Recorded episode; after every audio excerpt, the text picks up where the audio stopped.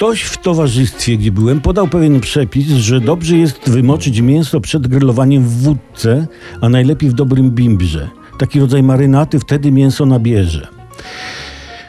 No metoda ta wymaga od facetów dużo silnej woli, samozaparcia, a często wręcz wizyty na takiej czy innej grupie wsparcia.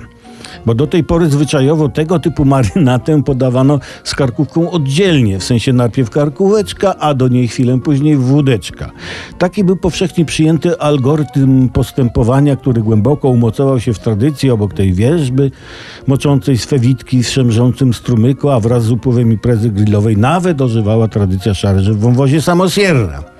Kiedy faceci usłyszeli o moczeniu mięsa w porządnym alkoholu, mnóstwo było takiego unoszenia brew, brwów, brewi, brwi, niepotrzebne skreślić, przechylania głów na lewo, innych głów na prawo, niedowierzającego cmokania prawym kącikiem ust, jeśli ktoś przechylił głowę na lewo i lewym kącikiem ust, jeśli ktoś przechylił głowę na prawo, lub też cmokania z kierunków pokrywających się z kierunkiem ruchu głowy. Kiwania głowami dużo było podczas cmokania i cmokania podczas kiwania. Przecież padały niewypowiedziane argumenty bazujące na przesłankach. To, to strach takie mięso kłaść na gryla.